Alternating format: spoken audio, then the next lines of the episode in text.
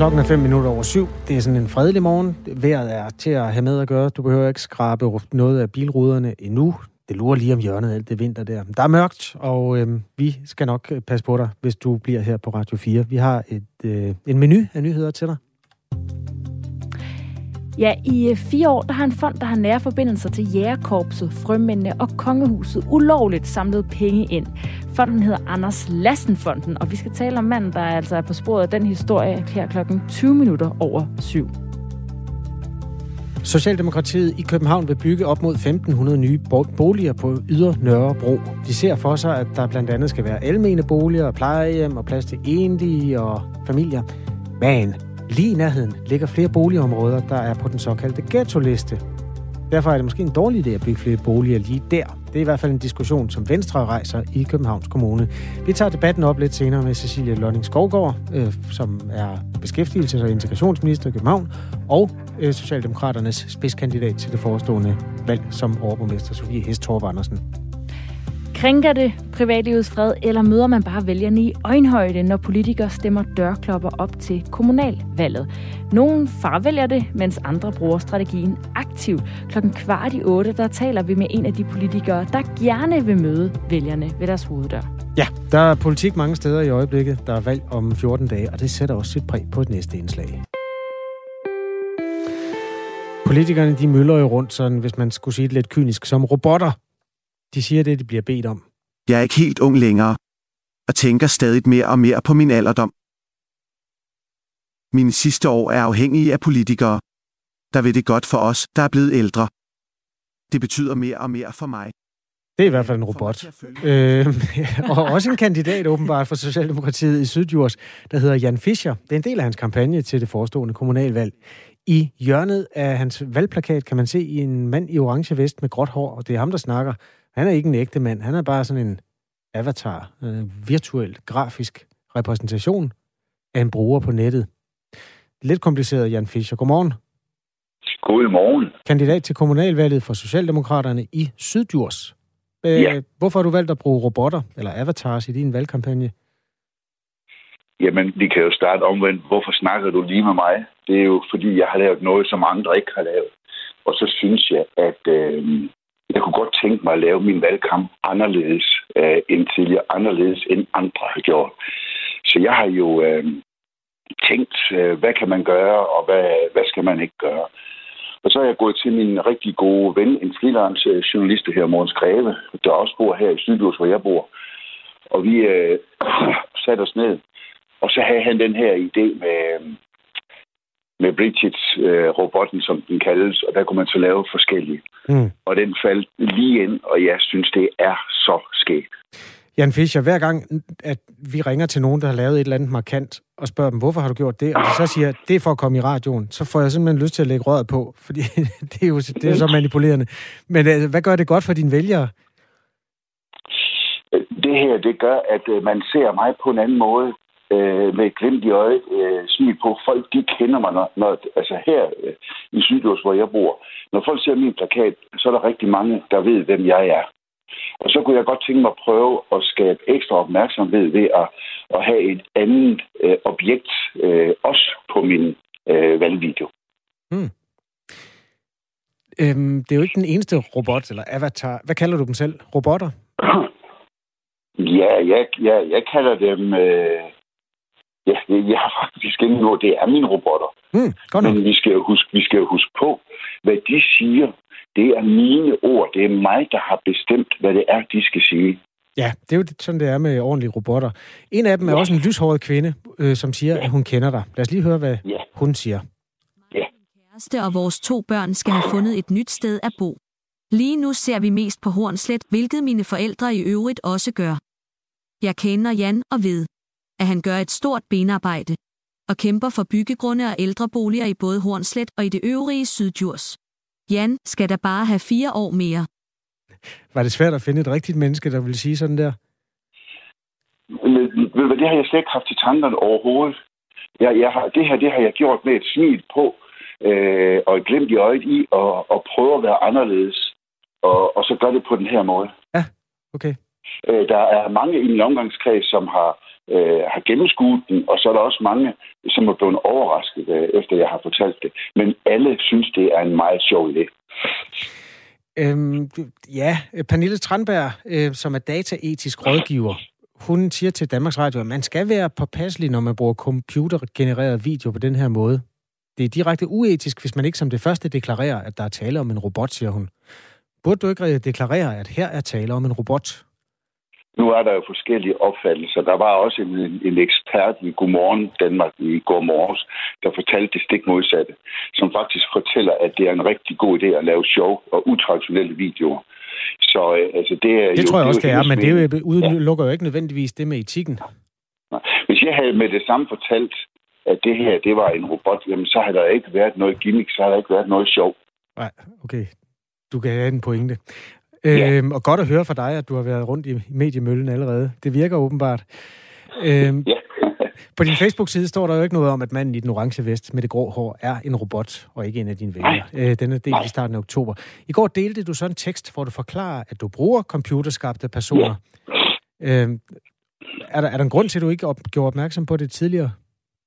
Jamen altså, jeg vil jo gerne øh, se folks reaktioner, og så skal vi jo øh, huske at, at bruge teknologien. Vi skal ikke fravælge den. Øh, jeg er måske den første i Danmark, og jeg er den første i verden, der har brugt det her på en valgvideo. Der findes jo en, som øh, i Portugal bruger det, når det er på en tandlæge og så videre. Øh, så, så det er brugt til, til andre ting ude i verden. Så jeg synes, det kunne være sjovt. Er det en tandlæge, der får robotter til at fortælle, at de Ja, har lavet det, det, han øh, han det, har- det fik jeg fortalt i går, Okay. at øhm, øh, der, der var flere steder, hvor de brugte øh, den, hvor en person siger, siger nogle ting. Alright. Så det bliver brugt. Udover at det er sjovt, hvilken respons får du så på? Altså, er der, er der nogen, der synes, at øh, det er, hvad skal man sige, lidt, lidt underligt, at det er robotter og ikke rigtige mennesker, der siger ting om dig? Nej, for folk ved godt, at, hvad skal man sige, at det er mine ord. Så godt kender de mig. Øh, og så, hvad hedder det, er det jo en anden måde at, at sige tingene på. Jeg får gode responser. Øh, det, der har kørt på de øh, sociale medier, det er, at der har været en ualmindelig god debat og en god tone. Og det var blandt andet også noget af det her, jeg vil øh, opnå, at vi skal tale pænt til hinanden. Vi behøver ikke at være politisk enige, det skal vi absolut ikke være. Men vi skal tale pænt til hinanden. Det var også et af mine formål med det her. Vores lytter øh, har skrevet ind på 1424, og er ikke umiddelbart sådan helt øh, med på ideen her. Daniel skriver, Godmorgen, måske skulle han føre politik i stedet for bemærkelsesværdige reklamer for sig selv. For eksempel forsvarlig økonomi og bedre ældrepleje, skriver Daniel, som er vælger i Syddjurs. Og der er også en, der skriver, en hver kan høre, at en robot ikke er et menneske. Hele intonationen er skrubforkert. Derudover er det kun øh, propagandister og amatørmarketing, der bruger sådan nogle robotter. Og øh, som sagt en tandlæge i Portugal og en solbrillefabrikant i Brasilien i øvrigt. Også. Øhm, lad os lige høre fra en af dine mørkhårede robotter. Jeg har ikke tid til at forklare andet her, end at jeg til daglig er tv-vært på Bornholm. Hjemme på Bornholm har jeg været med min løbemakker. Jeg siger, at jeg kan få denne video rundt i hele Syddjurs. Stem gerne på Jan ved kommunalvalget. Han er god nok. Okay, Men- det er faktisk sjovt, Jan Fischer. Øh. Det sjove er jo, at hun er tv-vært på Bornholms, øh, Bornholm Nu, netmediet, hvor hun læser deres nyheder op. Ja, Altså, den kvinde, man ser, men ikke stemmen. Stemmen er en eller anden Google-dame, ikke? Eller hvad? Det er den samme, samme kvi- det, er, det lyder som den samme stemme, umiddelbart. det, Samme- det er en anden stemme, øh, der, bliver, der bliver brugt, som Okay. bruger på Bornholm nu. Godt. Jamen, øh, Jan Fischer, har du ellers noget på dit øh, valgprogram, som du, du har 6 sekunder til lige at sige, hvad du ellers vil, rent politisk, udover at have flere robotter? Jamen selvfølgelig vil jeg det bedste på Sydjurs, der hersker ingen tvivl om, og det ved dem, der kender mig også godt. Det her, det er at lave politik på en anden måde, og det må godt være sjovt. Tak fordi du var med. Jamen selv tak, og kan I have en god dag. Tak skal du have. God valgkamp. Jan Fischer, kandidat til kommunalvalget for Socialdemokraterne i Syddjurs Kommune. Ja, det var egentlig ikke den, jeg ville sætte på. Nu fik du lige sådan et lydtæppe at danse Ja. på. Vi kan da oplyse, at klokken er kvart over syv, og du har tændt for Radio 4 morgen, og der er kommunalvalg om 14 dage, og det kommer vi jo til at gøre rigtig meget ud af. Hvis du sidder og har bemærkelsesværdige historier fra din kommune, så må du meget gerne øh, banke på, fordi jeg ved for eksempel på valg valgdagen og på valgaftenen, der skal Jakob Grosen og jeg øh, sende mindst 5 timers øh, live radio. De to første timer, de udspiller sig mellem 19 og 21, og på det tidspunkt er der ikke kommet nogen stemmetal ind endnu, så der kan det også være fedt at have nogle øh, lokale dramaer, vi kan dykke ned i. Så hvis der er et eller andet sted i kommunalvalgkampen, du synes, at medierne ikke har opdaget, må du meget gerne skrive til os på sms'en 1424. Start din besked med R4 og et mellemrum. Vi sender folk ud i landet. Vi stationerer mennesker rundt omkring i Danmark, og ja, så samler vi trådene her i et valgprogram, der udspiller sig både hele aftenen, hvor dramaet sker. Næste morgen tror jeg, det er dig, Dagmar, øh, der skal samle trådene, ikke? Yes, vi, har, øh, vi er klar en halv, lige 5.30. Vi går på lidt før, for at være øh, helt på forkant med alle de ting, der skal samles op. De dramaer, som I forhåbentlig har øh, rapporteret fra i løbet af natten. Ja, og vi møder også ind næste eftermiddag, fordi der kommer alle de personlige dramaer også, altså de personlige I virkeligheden er det jo dagen efter, der er interessant, ja, og ikke valgdagen. et det er stykke jo, vejen. Det er jo spillet efter. Det har du ret i. Ikke desto mindre, øh, ja, det var en teaser og noget, der, der, for noget, der sker om 14 dage. Men så er du i hvert fald øh, advaret. Det kommer til at fylde rigtig meget i mediebilledet. Ikke kun, men også hos os. Klokken er nu blevet 16 minutter over syv. Det her det er Radio 4 morgen med Astrid Data og Kasper Harbo. Noget af det, der er i gang i lige nu, det er COP26 i Glasgow. Det er FN's store klimakonference, og det er altså ved at brænde på, hvis man skal finde en løsning og holde drømmen om, at den globale temperatur, temperatur ikke stiger med mere øh, halvanden grad, at den skal holdes i live. En af de ting, der jo virkelig kan skubbe til det her, det er de store lande, og dermed de største klimasyndere, som øh, skær i deres udledning. Det nytter ikke så meget, hvis øh, du begynder at drive hele dit hus på el fra din motionscykel, Harbo. Hvorfor ikke egentlig? Det er godt. Det, det, det er for lidt. Det, det, det får ikke den der halvanden grad. Det, det Nå, påvirker det ikke nok. Nej, men tænk, hvis alle gjorde det. Præcis. Ja. Det handler nemlig om, det er det store billede. Og derfor så vil man gerne have de største lande på banen, og de største lande i verden, der bliver ved med at brænde kul af, for eksempel. Og i går, der kom verdens tredje største CO2-udleder så på banen. Og det er... हम संकल्पबद्ध होकर हर संभव एफर्ट्स कर रहे हैं परिश्रम कर रहे हैं और परिणाम लाकर दिखा रहे हैं Hold da, er det islamisk stat? Den er så- Nej, det er øh, Narendra Modis. Det er Indien. Nå, undskyld. Fra, og det er fra hans egen YouTube-kanal, fra hans FN-tale i går. Så det var... øh, Det, det lyder hissigt, men øh, jeg tror bare, det lyder sådan i vores ører. Jeg er faktisk ikke helt med på, hvad han siger lige præcis i det her klip, fordi jeg kunne ikke øh, lige finde en oversættelse. Men i den her tale, der siger han, at Indien de nu har et mål om at være CO2-neutrale. Og det bliver i 2070. 2070. Altså om vil- 49 år. 49 år, der vil Ja. Indien være CO2-neutral. Det skriver BBC. Så, altså, Indien er jo selvfølgelig en, en sviner i kraft af det store befolkningstal, men er det egentlig ikke en befolkning, der er sådan rimelig velopdragen i forhold til ikke at tage lige så mange flyrejser, som, nu nævner jeg lige for eksempel Danmark? Jo, det er jo netop det, fordi er jo også det der med, hvordan man måler det, ikke? fordi det, det er et land med næst flest indbyggere, og her der taler vi ligesom om- om lande, hvem, hvem udleder mest som land, men hvis man nu, og der udleder de så tredje mest efter Kina og USA, mm. men hvis man så kigger på det per indbygger i stedet for, så er det faktisk amerikanerne, der er nogle rigtige øh, miljøsvinere. De har, de, per indbygger, der udleder de 15,5 tons, mens Indien, de ligger altså langt under hvor hver indbygger udleder 1,9 tons. Okay. De spiser så- heller ikke ret meget af oksekød, Nej, for konen er jo heldig. men altså, så kan man alligevel måske diskutere, hvor modig den her beslutning er. Fordi Men, 2070, det er så alligevel det mindst ambitiøse mål fra de store spillere. Okay, øh, er der noget sted på listen, hvor du kan se Danmarks navn? Bliver jeg lige Nej. nysgerrig? Det kan jeg, det ved. Men Danmark har vel... Øh, Jo, jo, vi 20. har, ja, vi har, ja, ja, men det er mere, hvor vi ligger nu. Det er sådan, øh, hvis du siger, at USA ligger øverst. den har jeg ikke fremme, nej. Ej, okay, den finder vi senere. Men øh, man man kan sige, ja, ty- men vi hørte jo så lige i nyhederne, øh, Thomas Sand sige, at øh, Brasilien, de har jo så opgraderet deres mål lidt fra 43 procent til 50 procent i 2030. Okay. Jamen, der er også nogle skove dernede, Bolsonaro, hvis du lytter med, som vi godt kan bruge. Så hvis man kunne lade dem stå lidt længere tid, så vil man også nå et stykke i forhold til ikke bare Brasiliens, men hele verdens øh, store CO2-lunge. Så således lige opdateret lidt på målsætningerne fra øh, de store verdensledere. Tak, Astrid.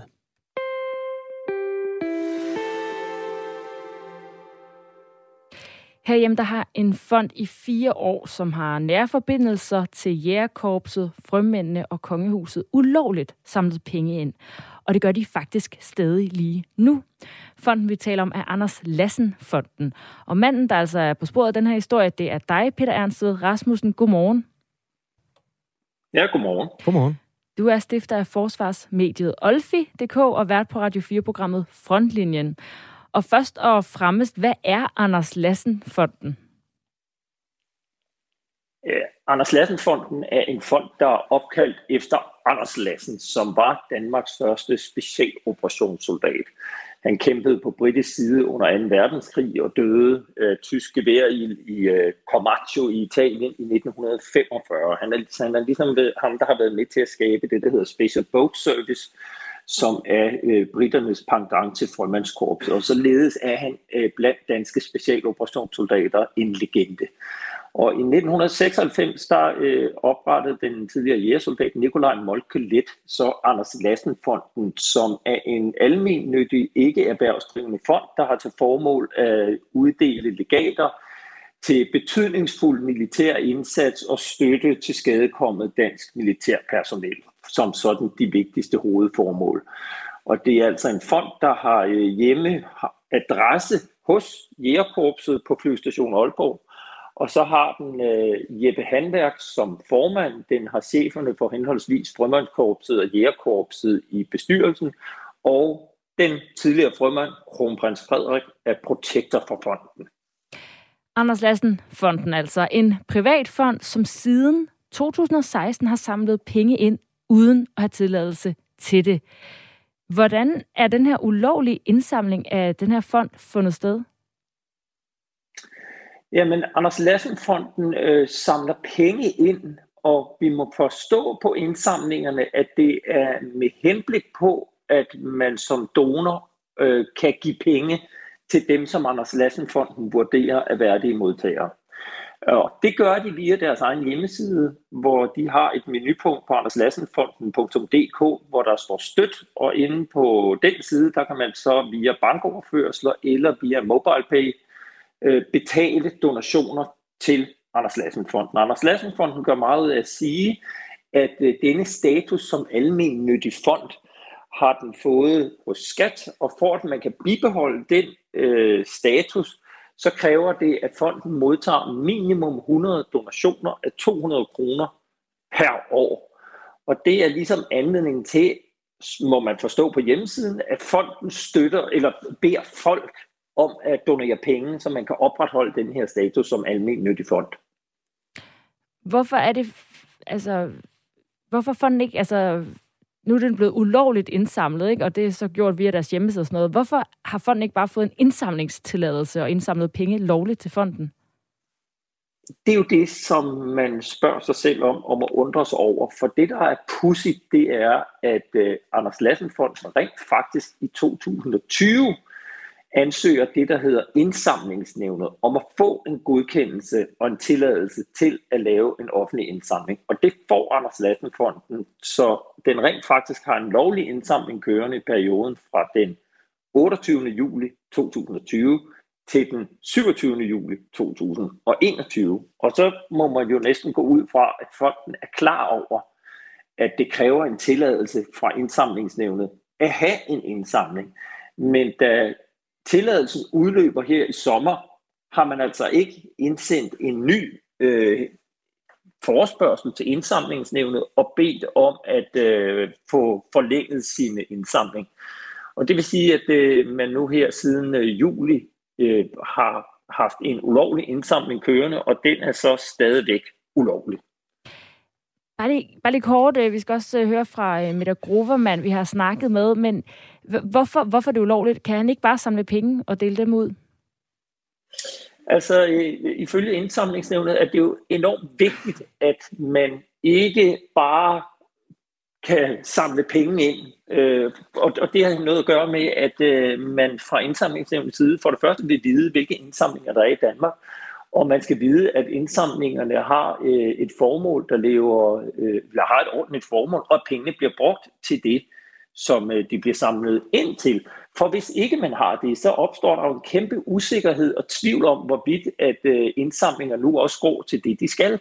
Og det er simpelthen for at holde styr på, at man, har, at, at, at man ikke bare kan samle ind på kryds og tværs Danmark til alt muligt, og så i øvrigt bruge pengene til noget andet. Det hører med til historien, at vi meget sent i går aftes, øh, vi øh, rettede henvendelse til Anders Lassenfonden i sidste uge, og meget sent i går aftes, der øh, svarede Jeppe Handværk, som er formand for Anders Lassenfonden, og øh, at, at øh, han beklager meget, at de har haft en ulovlig indsamling, og på Anders Lassenfondens Facebook-side har han her i sent i går aftes lagt et opslag op, hvor han skriver, at vi er blevet opmærksom på, at vores indsamlingstilladelse desværre er udløbet og er i dialog med Civilstyrelsen om en fornyelse. Vi modtager ny tilladelse inden for ganske få dage. Ansvaret for den manglende tilladelse er mit, og jeg beklager meget. Så altså, øh, her sent i går aftes har de erkendt, at de har en ulovlig indsamling i gang, og det vil de rette op på nu. Det hører så med til, han siger også, skriver en mail til os, at øh, de vil nu blokere indsamlingen, sådan at øh, den ikke er aktiv, før at de har fået en godkendelse, men at kommer man ind på Anders Lassenfondens hjemmeside lige i øjeblikket, så, øh, så kører den altså øh, stadigvæk. Den er i hvert fald aktiv inde på hjemmesiden. Vi har her på Radio 4 blandt andet talt med Mette Grubermann, der er tidligere generalsekretær for ISOBRO, der er indsamlingsorganisationens brancheorganisation, og har 19 års erfaring på området. Og hendes vurdering af, hvorvidt Anders Lassenfonden har haft brudt reglerne, lyder sådan her. Ja, det er min vurdering, at det har de. Øh, jeg læser lige op fra indsamlingsloven, og der står der, at en indsamling først kan iværksættes, når indsamlingsnævnet har givet tilladelse til indsamlingen. Og ved ansøgning om tilladelse til en indsamling, så skal formålet med indsamlingen anføres. Så der, der, der er ikke så meget at trille om der. Og når, når Anders Lassenfonden via egen hjemmeside og via Facebook har givet en opfordring til at yde bidrag, så har de været ude og lave en indsamling, en offentlig indsamling. Og det er min bedste vurdering, at der burde have været givet tilladelse til den slags fra indsamlingsnævnets side, inden de gør det. Og det kan få følgende konsekvenser for fonden, ifølge Christian Lundblad, der er formand for indsamlingsnævnet. Det er klart, hvis der er nogen, der samler ind og ikke, ikke vil overholde loven, altså ikke, øh, uanset de skulle have en tilladelse, indsamler i strid med, med, med loven, øh, så vil vi også bede om en redegørelse for det. Øh, og får vi ikke det, så, så i sidste ende, så er det jo sådan, så, så er loven konstrueret på den måde, at vil man ikke øh, søge om tilladelse, uanset man skulle have det, så øh, er en politianmeldelse øh, det, det sidste redskab, der er, at så kan det blive en, en politisag med, med en mulig bøde. Men Peter Ernst ved Rasmussen, du siger altså, at øh, formanden for Anders Lassenfonden har været ude på Facebook i aftes og beklaget øh, den her ulovlige indsamling og skriver, at vi er blevet opmærksom på, at vores indsamlingstilladelse desværre udløbet og i dialog med Civilstyrelsen om en fornyelse. Er det her så overhovedet noget, der kan få konsekvenser for Anders Lassenfonden? Øh, det kan godt være, at det ikke direkte får konsekvenser, at de har indsamlet ulovligt. Og så frem de får en ny tilladelse, så kan man sige, så er den i gang med en indsamling jo i hvert fald i orden. Øh, der er jo foretaget fire års indsamlinger, hvor øh, der ikke har været en tilladelse. Og det, som også er interessant, det er, at øh, vi jo i øjeblikket kigger lidt på Anders Lassenfonden, fordi de også har brugt nogle penge, som øh, der i hvert fald er tvivl om, hvorvidt at det er i overensstemmelse med Anders Lassenfondens protest. Sagen er det, at de i 2019 holdt det, de kalder en aktivitetsdag hos Strømmandskorpset, hvor de øh, hyrede og lejede en privat helikopter til at flyve rundt med rapgruppen Suspekt. Og øh, det gjorde de ifølge Anders Lassenfonden for at øh, samle nogle donorer øh, og, og, og forskellige øh, bidragsydere hos øh, øh, formandskorpset, sådan at de kunne få nogle flere donationer. Og, og vi venter i hvert fald stadig på svar på, om hvorvidt at, øh, at den helikopter helikoptertur var i overensstemmelse med fondatsen og, og, og, og ja, og man hvad der er op og ned og i den kan... Og, og der skriver der skriver Jeppe Handværk, at, at øh, det, det vil han svare på. Han skriver faktisk også der i sin Facebook-opslag, at han har svaret Civilstyrelsen mandag aften, og at, øh, at man kan læse det på Anders Lassenfondens hjemmeside, det svar, han har givet Civilstyrelsen senere i dag. Og senere i dag, Peter Ernst ved Rasmussen, der kan man altså også høre meget mere om øh, Anders Lassenfonden og hvordan de øh, forvalter øh, loven. Det er på øh, Radio 4-programmet Frontlinjen, der sender i dag kl. 11. Tak fordi du var med. I er velkomne. Og så må jeg lynhurtigt sende det videre til Thomas Sand, der står klar med nyhederne klokken er halv otte.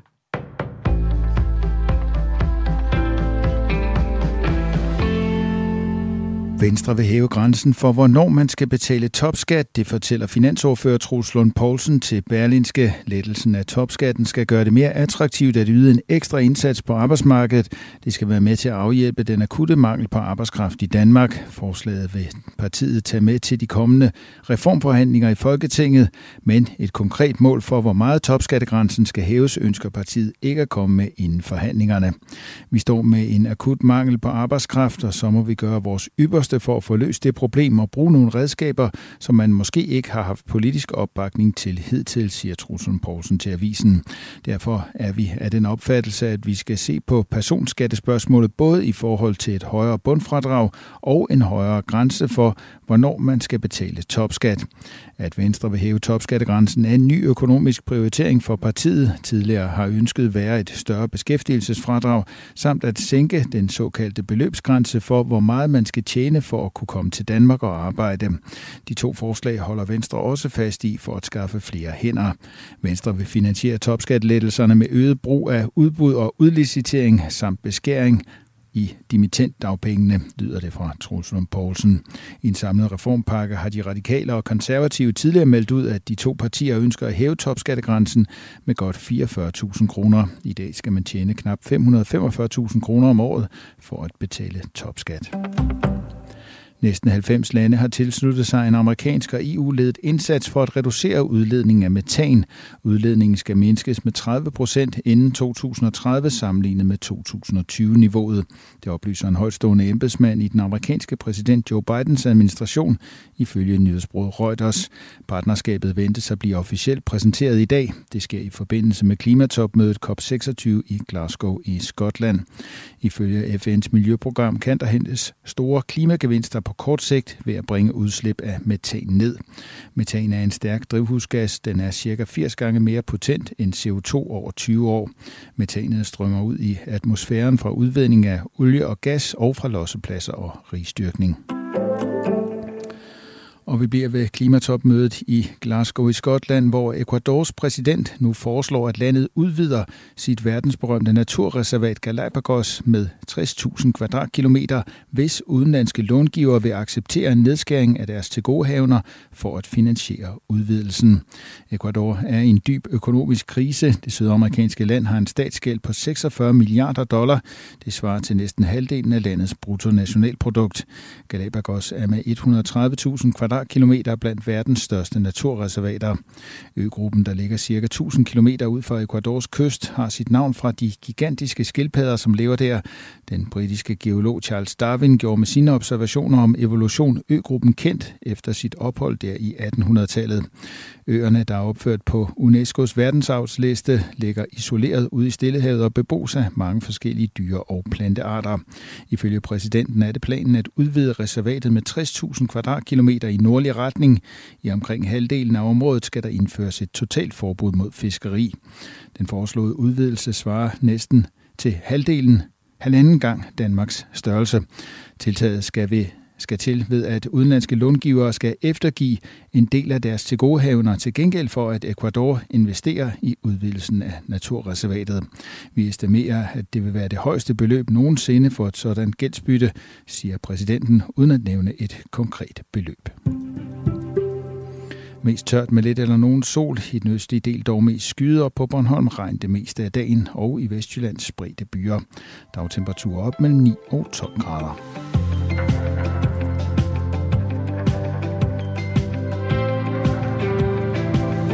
Nu har jeg listen over, hvem der sviner mest i hele verden med CO2. Og øh, måske skal vi lige rydde op i...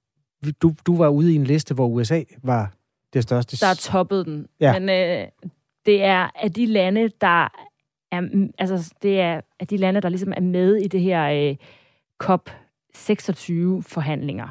Ja, det er Katar så åbenbart ikke, fordi hvis du kigger på Worldometers øh, og laver den der CO2 emissions per capita, som det hedder lidt tørt, nu er det godt nok fra 2016, men det er jo ikke, fordi man har haft nogen grøn omstilling i Katar siden da. Så jeg tror godt, vi kan regne med, at øh, det står til trone. Katar udleder per indbygger cirka 6 gange så meget, som vi gør i Danmark, og næsten 10 gange så meget, som gennemsnitsmennesket her på jordkloden gør. Ørkenstaten Katar. Og hvis man kigger på top 10 over, hvem der udleder mest CO2, så er der godt nok meget ørken at finde der. Kuwait er der også, øh, Emiraterne, Oman, Brunei og derudaf. Bahrain, min også. Danmark ligger nummer 50 på den her liste, og ligger lidt over gennemsnitsforbruget af CO2 per... Man kan vide, hvordan man opgør det, fordi de udleder det selvfølgelig i Katar, men så er det måske olien, som vi bruger her hjemme i Danmark. Uh, det bliver allerede der rigtig svært. Ja, det... Jeg tror bare, jeg synes, vi skal tro på den her liste, fordi den, ja, den er god de for os. Øh, vi ja. ligger nummer 50. Og trænger du til en rigtig succesoplevelse? Ja. Vi er jo en lille smule familie med Færøerne og Grønland, og det er faktisk der, det går allerbedst. I hvert fald ifølge den her liste. Grønland udleder, det er 0,03 eller sådan noget, hvor vi udleder 6, et eller andet ton per indbygger. Jeg har aldrig vendet mig til, at man taler om, at luft vejer noget, men det gør det altså. Ja, åbenbart. Ja, CO2-luften. Ja, det er det. Nå, det må de rydde op i på topmødet. Det er fuld gang, COP26, og det er Radio 4 morgen også. Klokken er 7.36, og nu skal vi en tur til København. Mangel på billige boliger i landets største byer, det er igen en aktuel diskussion. Og nu foreslår den socialdemokratiske overborgmester i København, Lars Weiss, og partiets spidskandidat til det forestående valg, Sofie Hestorp Andersen, at der skal bygges 1.500 nye boliger i et område på Ydre Nørrebro i København. Mere konkret foreslår de, at der skal bygges i området omkring en gade, der hedder Rovsinggade. Og de ser for sig, at der blandt andet skal være almene boliger, et plejehjem og plads til øh, både enlige og familier. Lige nu består området, hvor de vil bygge primært af småerhverv, bilforhandlere og den slags. Og derudover ligger der to boligområder lige i nærheden. Jølnerparken og Rogade, kendt fra ghetto-listen. Det, der er det spændende spørgsmål, er, om det er en god eller en dårlig idé at bygge billige boliger lige i det område, og det skal vi diskutere nu. Cecilia Lotting Skovgaard er beskæftigelses- og integrationsminister i København og spidskandidat for Venstre. Godmorgen. Godmorgen. Og Sofie Hestorp Andersen, overborgmesterkandidat i Københavns Kommune for Socialdemokraterne. Godmorgen til dig. Godmorgen. Lad os starte med den angribende part, Cecilia Lonning Skovgaard fra Venstre. Du synes, det er en dårlig idé. Hvorfor? Det synes jeg, fordi, som I nævner, øh, så ligger øh, Rosengade-kvarteret, det ligger klods op og ned af Mønderparken, som vi allerede i dag øh, har på øh, listen over hårde ghettoområder. Og lige på den anden side, der har man ellers Rogade-kvarteret, som er det næste øh, område i København, der risikerer at blive en hård ghetto. Og derfor må man sige, at det sidste det område på Nørrebro har brug for, det er flere almene boliger. Man har brug for at få nogle ejerboliger ind for at få et andet befolkningsmix. Hvorfor skulle sociale problemer, der er i nogle af boligområderne i nærheden, blive værre af, at der bliver bygget flere boliger? Altså nye boliger, rare, gode boliger, der tiltrækker nogle af de mennesker, der ikke har råd til at købe et hus? Jamen, der er jo lagt op til, kan jeg forstå i udspillet, at det skal være almene boliger, og man må jo sige, at det er jo det, der i langt overvejende stil i dag er, både i Møllerparken og i Aldersrogade-kvarteret, og hvor vi med den øh, ghetto-lov, vi fik for nogle år siden, netop er i gang med at afvikle almene boliger, så virker det jo lidt selvmålsagtigt, hvis vi så starter med nu at gå ud og lave en hel masse nye almene boliger, i stedet for at sige, skulle vi ikke prøve at trække det her kvarter op, bygge nogle ejerboliger, gerne nogle små også, som er til at komme i nærheden af, også gerne nogle studieboliger, men vi skal da ikke til at bygge almene boliger, og så risikere, at vi om fem år med ghetto-loven står og skal starte forfra med så at afvikle de almene boliger, vi nu laver. Lad os få dig på banen, Sofie Hestorp Andersen, for det er jeres idé. Hvorfor foreslår I, at man bygger flere øh, billige boliger lige der? I Socialdemokratiet der går vi jo ind for en blandet by, og øh, der er et kæmpe pres også på vores boligmarked, hvor vi skal bygge til øh, mennesker, som også kan være læreren eller håndværkeren, øh, som har brug for at blive i byen. Og i Alatrug, eller i Rosingsgade-kvarteret, der ser vi for os, at ud af de 1.500 boliger, at der reserverer man for eksempel op til en tredjedel til almene boliger, men at resten øh, skal være private boliger. Og øh, derudover så vil vi jo også gerne forlænge Superkilen, så det også bliver et grønt område. Altså et sted, der er et kvarter i sig selv med daginstitutioner, med øh, med en grøn sti gennem kvarteret, øh, så man let kan cykle rundt, og øh, også at der kommer en sti ned til den kommende nye øh, svømmehal, der kommer til at ligge på Bovie-grunden. Det, det, så jeg, ser jeg, for mig jeg bliver nødt til lige, undskyld Sofie Hestrup Andersen, jeg afbryder dig lige, fordi jeg skal lige forstå helt præcist, om det er ejerboliger eller lejeboliger, det her. Du siger 1.500, øh, det er vi enige om, det er så mange boliger, men så siger du, det kun er 500 af dem, der skal være almene. Hvad skal resten så? Ja. Ja, altså det, der er muligt i dag, det er jo, at når man udvikler et, øh, et byområde på størrelse med den størrelse, som Rosingsgade kvarteret er, øh, så kan kommunen jo stille krav om, at øh, 25 procent af de boliger bliver almene boliger. Og øh, vi har så også hørt en boligminister, Kåre Dybvad, sige, at han vil kæmpe for, at København også kan få lov til at reservere op til en tredjedel almene boliger. En tredjedel af 1.500 boliger, det er omkring 500 boliger, så det er altså 500 almene boliger og omkring 1.000 øh, private boliger, som vi ønsker, der skal bygges i Rosingsgade kvarteret. Hvad er private sådan, boliger helt præcist? Er det, er det private udlejere, eller er det sådan ejerlejligheder?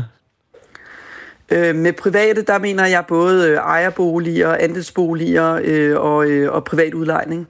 Det kan kommunen ikke stille direkte krav om, hvad det skal være. Det afhænger af dem, der gerne vil bygge på området. Cecilia Lonning Skovgaard, er du allerede kommet lidt i møde der? Ja, det synes jeg, det lyder da bedre, end at vi, vi var på 1.500 almene boliger.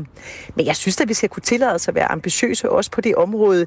Det ligger relativt tæt på hele vores Copenhagen Science City, og jeg synes at vi skulle gå langt mere ambitiøst til værk. Gå efter, almen, gå efter ejerboliger, og hvis vi så skulle spæde op med noget andet, så måske nogle øh, kollegier eller nogle små studielejligheder, hvor nogle af de forskere og nogle af de internationale studerende, der netop arbejder inden for vores life science område, de kunne være, og de kunne bo, fordi de så ville være i tæt øh, afstand fra de arbejdspladser, der ligger i området. Det lyder som om, du sætter et lighedstegn mellem sociale problemer og øh, lejeboliger, altså almene boliger. Er det egentlig fair? Man må jo bare sige, at der er jo en grund til, at Møllerparken, der har ligget med næsten 100% almene boliger, at de er kommet på ghetto-listen som et hårdt ghettoområde. Det er vi nu i gang med at, at ændre. Vi er i gang med at sælge almene boliger fra, så vi når en mere, kan man sige, blandet ratio. Øh, vi skal ned og have omkring 40% almene boliger i Møllerparken. Lige om lidt skal vi formentlig i gang med den samme øvelse i Aldersrogade kvarteret. Og man må bare sige, at det vil være helt dumt at starte nu et nyt område lige i nærheden, øh, og så starte, kan man sige, med for høj en andel af almene boliger. Vi har brug for at tiltrække nogle øh, ressourcestærke mennesker. Vi har også brug for at få nogen ind, der har tænkt sig at blive i området lang tid, og derfor vil vi allerhelst have flere ejerboliger ind. Sofie Hestorp Andersen, I foreslår altså 500 almene boliger i det her område. Fra politisk hold har man et ønske om at skabe en mere blandet beboersammensætning. Hvordan øh, hænger det sammen? Jeg synes, det hænger rigtig godt sammen, at man bygger en tredjedel almene boliger og resten som private boliger. Fordi det er rigtig vigtigt, at det her nye kvarter, det ikke bare bliver en lomme for sig selv med private ejere og lejerboliger, men øh, netop med blandede boliger og fokus på, at vi får nogle bedre forbindelser øh, hen til blandt andet Mjølnerparken, området omkring Sygensgade, Kraka Plads, mm. øh, så vi i det hele taget får et mere livligt ydre Nørrebro. Og det tror jeg ikke, man får, hvis det alene bliver sådan et, et område, hvor der kun er, øh, er private ejere og lejerboliger, men at vi netop laver den her balance. Men når man i forvejen sige, Jeg synes også, det er vigtigt, at vi får åbnet øh, altså med flere øh, stilinjer hen over baneterrænet op mod Bispebjerg og Bispebjerg Hospital, fordi det, som området trænger til, det er jo, at det netop ikke bare lukker, øh, ligger som en lukket asfaltørken, øh, som man bare i dag gerne vil passere med nogle enkelte autobilforhandlere men at det netop bliver et sammenhængende byområde, der er med til også at, øh, at gøre kvartererne omkring Mjølnerparken og Aldersrogade mere åbne i den, i den udvikling, der også vil være der. Sofie Hestrup Andersen, nu går du meget lokalpolitisk til værks her, og det, vi sender simpelthen radio til hele Danmark, så jeg bliver nødt til at, at gøre det en lille smule mere principielt i forhold til det mellem leje og ejerboliger. Øhm, når man på det ene tidspunkt er ved at tømme det, der er på ghetto-listen, og derfor har betegnelsen en ghetto, uanset hvor grimt det ord er. Altså når man er ved at tømme en ghetto for øh, almene boliger og skruer ned for det med den ene hånd, og så bygger øh, nye almene boliger med den anden hånd. Er det ikke et paradoks? Jeg synes ikke, det er et paradoks, når vi taler om et område på over 100.000 kvadratmeter, som i sig selv er et kvarter. Øhm, hvis vi kun skulle kigge på, hvor vi har almene boliger i København, så kunne vi stort set ikke bygge andet end kun private boliger i København. Fordi vi bor tæt, og fordi vi selvfølgelig har mange lommer med almene boliger. Så det, vi bliver nødt til at gøre, det er at kigge på Rosingsgade kvarteret som helhed. Hvor stort er det? Og der taler vi om et meget, meget stort område, hvor der i dag er bilforhandlere, der er et kæmpe testcenter, som vi forhåbentlig snart kommer forbi. Der skal bygges en ny svømmehal. Vi kan udvide med en superkile. Det betyder, at øh, vi har et kæmpe grønt cykelstiområde, vi kan trække ind i området. Yes. Øhm, I det hele taget åbne byen mere, og øh, det er det, man skal forstå i forhold til, at, øh, at vi ønsker både at bygge almene og private boliger. Vi har talt med Hans Thor Andersen, der er forskningschef på Institut for Byggeri, By og Miljø ved Aalborg Universitet, om hvordan man forhindrer, at et område med billige boliger bliver til et socialt belastet område. Lad os lige høre fra ham. Han kommer nu. Det, der afgør, om et område ender på ghetto-listen, eller som socialt belastet område, det er jo, hvem der bor i området. Så det er afgørende, at kommunen ikke anviser overvældende mange med alvorlige sociale problemer til en bestemt bebyggelse, ligesom boligselskaberne jo også skal være opmærksomme på, hvem er det egentlig, der kommer først i rækken, når man tilbyder nye beboere at flytte ind. Er det folk, der har beskæftigelse eller under uddannelse, eller er det nogen, der har en eller flere alvorlige sociale problemer? Sagde altså øhm, Hans Thor Andersen, der er forskningschef ved Byggeri, By og Miljø på Aalborg Universitet. Lad os lige tage en sidste og kort runde på det med beboersammensætningen. Først øh, hos dig fra Venstre, Cecilia Lonning Skovgaard. Hvordan laver man en ordentlig beboersammensætning? Jamen det gør man ved at have et mix af ejerboliger, øh, lejeboliger, almene andelsboliger. Og det gør man jo så, når man kigger på nye byområder, ved at se, hvad ligger der i forvejen i det område og lige rundt om. Og her taler vi der om, om et område, hvor der ligger ekstremt meget almen byggeri, og derfor så skal vi sætte ind med nogle andre boligformer. Du får samme spørgsmål, Sofie Hestorp Andersen. Hvordan laver man det gode mix? Ja, det gode mix, øh, det gode kvarter, det bliver jo til ved, at man netop har en blanding. Og det kræver, at man både bygger almene boliger, lejerboliger, ejerboliger og forskellige slags boliger. Det er det, vi går ind for i Socialdemokratiet. Når der taler om et område så stort som et helt nyt kvarter, så synes jeg, at det er rigtig vigtigt, at man både begynder forfra og kigger på, hvad der er, der kan laves i området i øvrigt, i form af i form af for eksempel øh, øh, plejehjem eller ungdomsboliger, studieboliger, øh, erhvervsliv og andre gode ting. Mm. Og at man også får det bundet sammen med de øvrige områder, som skal være grønne. Så jeg er meget mener, at det her det vil være en god og tryg central placering på Nørrebro i centrum af, hvor de fleste børn bor. Tak fordi I var med, begge to. Selv tak. Og have en god valgkamp. Cecilia Lonning Skovgaard, som er beskæftigelses- og integrationsborgmester i Københavns Kommune og spidskandidat hos Venstre. Og så øh, modpart Sofie Hestorp Andersen, der er overborgmesterkandidat i Københavns Kommune for Socialdemokraterne. Klokken er 7.47. Det her er Radio 4 morgen. Og det er Astrid Date og Kasper Harbo. At Astrid, må jeg give dig fødselsdagskvisten nu? Ja. Det er som om, man lige trænger til at hvile ørerne et øjeblik. For 68 år siden var der premiere på noget, som vi bliver nødt til at øh, festligholde. Er du klar? Ja. Der er godt nok stille, hva'? Der er ikke nogen lyd i det her klip. Hvis det viser sig, at lydene ikke virker. Ah, nu er de her igen. Det er sat med det der håndfri. Anders, pas på. Halløj med jer. Ja, det er en af de nyere, men øh, der er lavet rigtig mange. Far til 4 har premiere på denne dag for 68 år siden. Er den klar? første vel at mærke. Ja, det er bare den første af mange. Der er to hovedroller, der ligger lidt i titlen. Der er far, og der er de fire. Altså børn, ikke? Nævn mindst to, der har spillet far. Martin Brygman er, det er rigtigt. nye. Ja, øhm, jeg ved. Ah. ah. Jeg kunne jo bare... Ja. Nej. Nej, men det er også okay. Der er, der er også mange. Øh, Hvad hedder Palle Strøm? Palle Strøm er et virkelig godt bud, men han har, øh, og han har lavet mange ting. Men det, han det har været en sød far. Ja, det har han, men ikke lige for de fire. I Schönberg var den første, og så kom Karl Stegger, og Jesper Asholdt har været den, Peter Mygind. Der er seks, der har spillet den i alt. Så det er også lige meget. Der, der er lavet fem generationer, så at sige, af Lille Per-film. Og det, der ligesom er gået igen i hele historien omkring de film, det er, at øh, anmelderne har savet dem midt over, og publikum har elsket dem. Vi øh, tager nu og vender os mod en af de nye, som er den, der hedder Far til fire på toppen. Der skal far, spillet af Martin Brygman, kureres for en lidelse. Du får tre valgmuligheder. Er det, fordi han tisser i sengen? Er det, fordi han har højdeskræk, eller har han covid-19? Det lyder som højdeskræk. Det hele handler om, at far skal lære at blive gode venner med højder, så vi kan blive boende. Hvorfor Der er point. Øhm, godt, Astrid. Øh, Far til 4 var også en serie af bøger, der blev lavet fra 1955 til 1971. Jeg vil godt have alle titlerne. Ja, Nej, hvor mange kom der? det er klart. Du får plus minus Fra, hvor, 7. fra, hvornår var den første, siger du? 55 til 71. Der kom 15. Der kom 19, det er rigtigt. Øh, Far til 4 har også oplevet en decideret shitstorm, eller i hvert fald et forsøg på den, da en af de tidligere medvirkende for et par år siden gik ud og kritiserede serien med følgende citat. Far til fire produktioner er i mine øjne ikke kunst. Jeg forstår, forstår ærligt talt ikke, hvorfor de bliver ved med at fortælle børn de åndssvage historier, som bliver mere og mere actionprægede, siger. Hvem, hvem sagde det? Du får tre muligheder. Ja. Paprika Sten, Gita Nørby eller Bodil Jørgensen. Gita Nørby. Jeg siger ikke, at hun ikke kunne have fundet på at sige det, men øh, det var altså Bodil. Det var Bodil. Ja. Nå, men øh, udgangen på det her bliver, at du skal nævne mindst én sang med Lille Per. Øh, der var selvfølgelig den i starten. Det er sommer. Nå ja, okay. Det er Så skal du nævne en anden. Øh, der er også en julesang, øh, som vi synger til jul.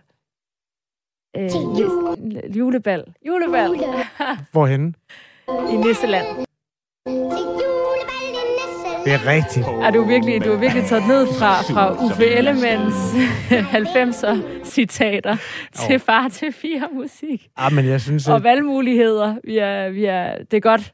det skal heller ikke være øh, helt alt ødelæggende. Nej. Der er også en fin sang, som ikke øh, bliver spillet så meget i radioen. En sort lille nikker fra Afrika. Om, bam, bam, bam. Det er historien om, at Lille Per har været på banen i mange år. Da øh, man lavede den der Lille Per og Ulveungerne, eller hvad den hed, så dansede han rundt. Blackface og alt muligt. Ja.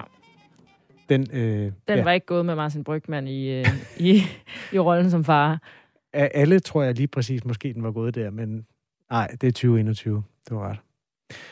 Nå, men det var bare lige for at fejre en 68-års fødselsdag. Du fik Jamen, det er dejligt med quiz. Tak for den. to point med hjem i dag. Er det fordi, jeg også fik den, der var 19, som var 15? Ja, men der var plus minus. Så. Klokken er 8 minutter i 8. Du hører Radio 4 morgen på Far til 4's fødselsdag.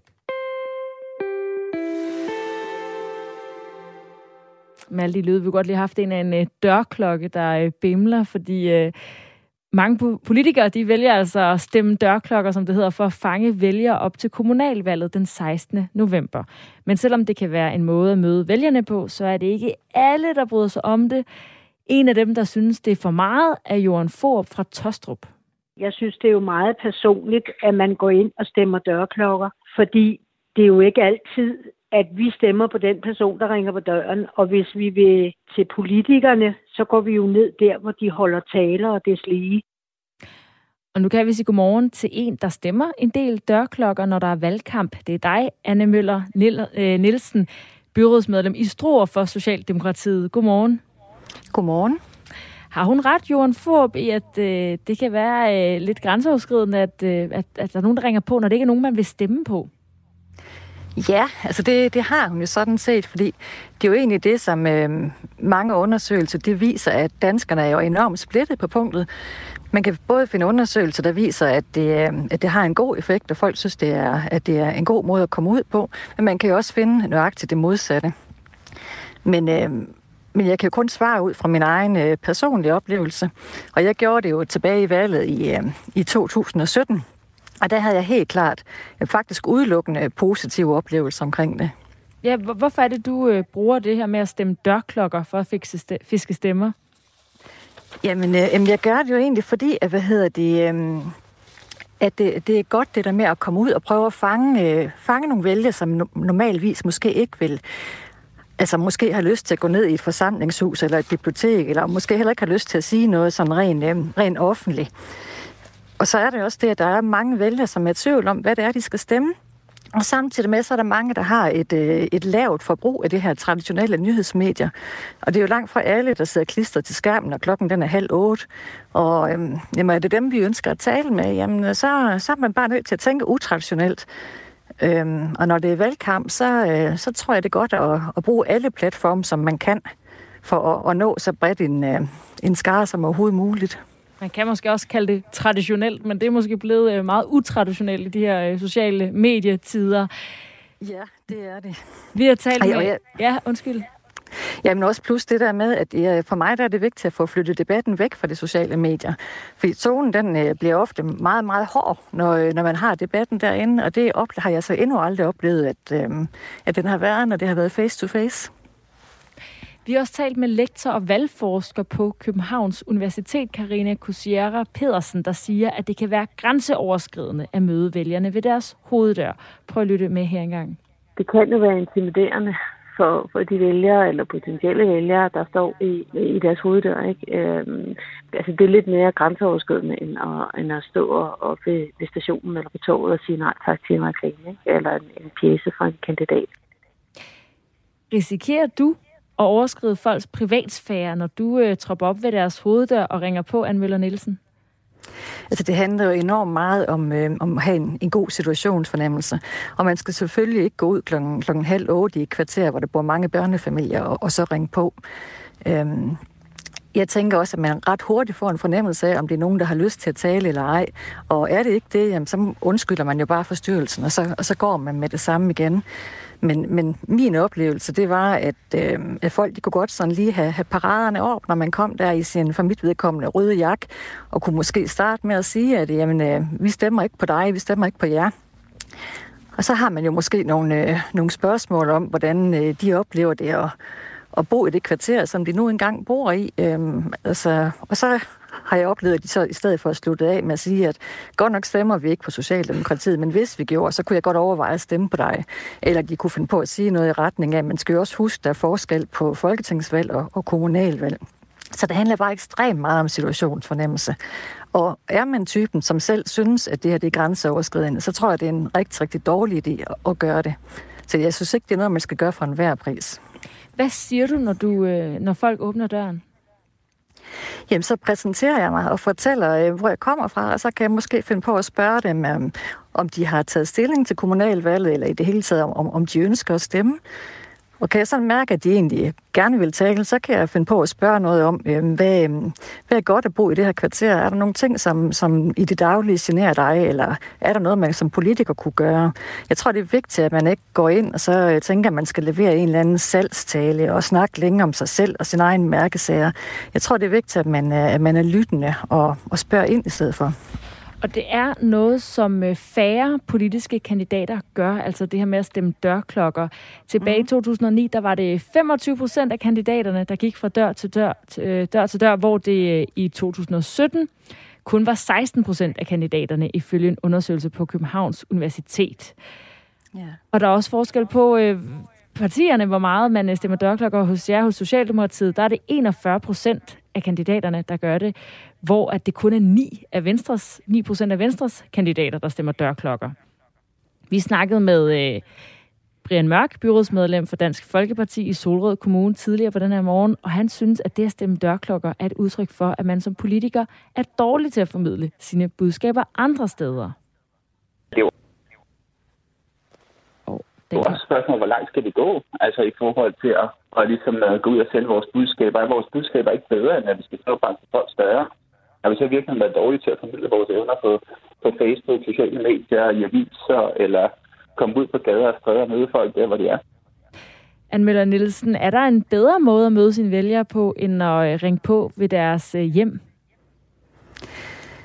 Jeg ved ikke, om der er en... Ja, altså det er der selvfølgelig. Altså man skal jo bruge, som jeg sagde også tidligere, man skal bruge alle platforme, både de sociale medier, både ud på gaden. Men, men jeg tror også på, at man kan øh, hvad hedder det, fange nogle vælgere, som, som jeg sagde, ikke, som ikke har lyst til at møde op på et bibliotek eller et forsamlingshus, og slet ikke har lyst til at sige noget eller spørge om noget i, i et offentligt forum. Og dem synes jeg også skal have chancen for at, at komme til ord. Og det er bare, øh, det er bare dialogen mellem mennesker, som, øh, som flytter mest. Du må have en god valgkamp, Anmelder Nielsen, byrådsmedlem i Struer for Socialdemokratiet. Der er altså en af dem, der stemmer dørklokker, som øh, ja, du måske kan møde, hvis øh, du bor i Struer. Tak fordi du var med. Selv tak. Det her er Radio 4 morgen. På den anden side af nyhederne skal vi tale med Fødevareminister Rasmus Prehn, der skal forklare, hvordan man fra dansk side vil løse det problem, at øh, de æglæggende høns brækker knoglerne for et godt ord. De høner, der lægger æg i Danmark, 85 procent af dem har en eller anden grad af knoglebrud, øhm, og det hænger simpelthen sammen med æglægningen, der presser deres kroppe mere, end de kan holde til. Den tager vi med fødevareministeren på den anden side af nyhederne, som Thomas Sand står klar med nu, hvor klokken er blevet 8.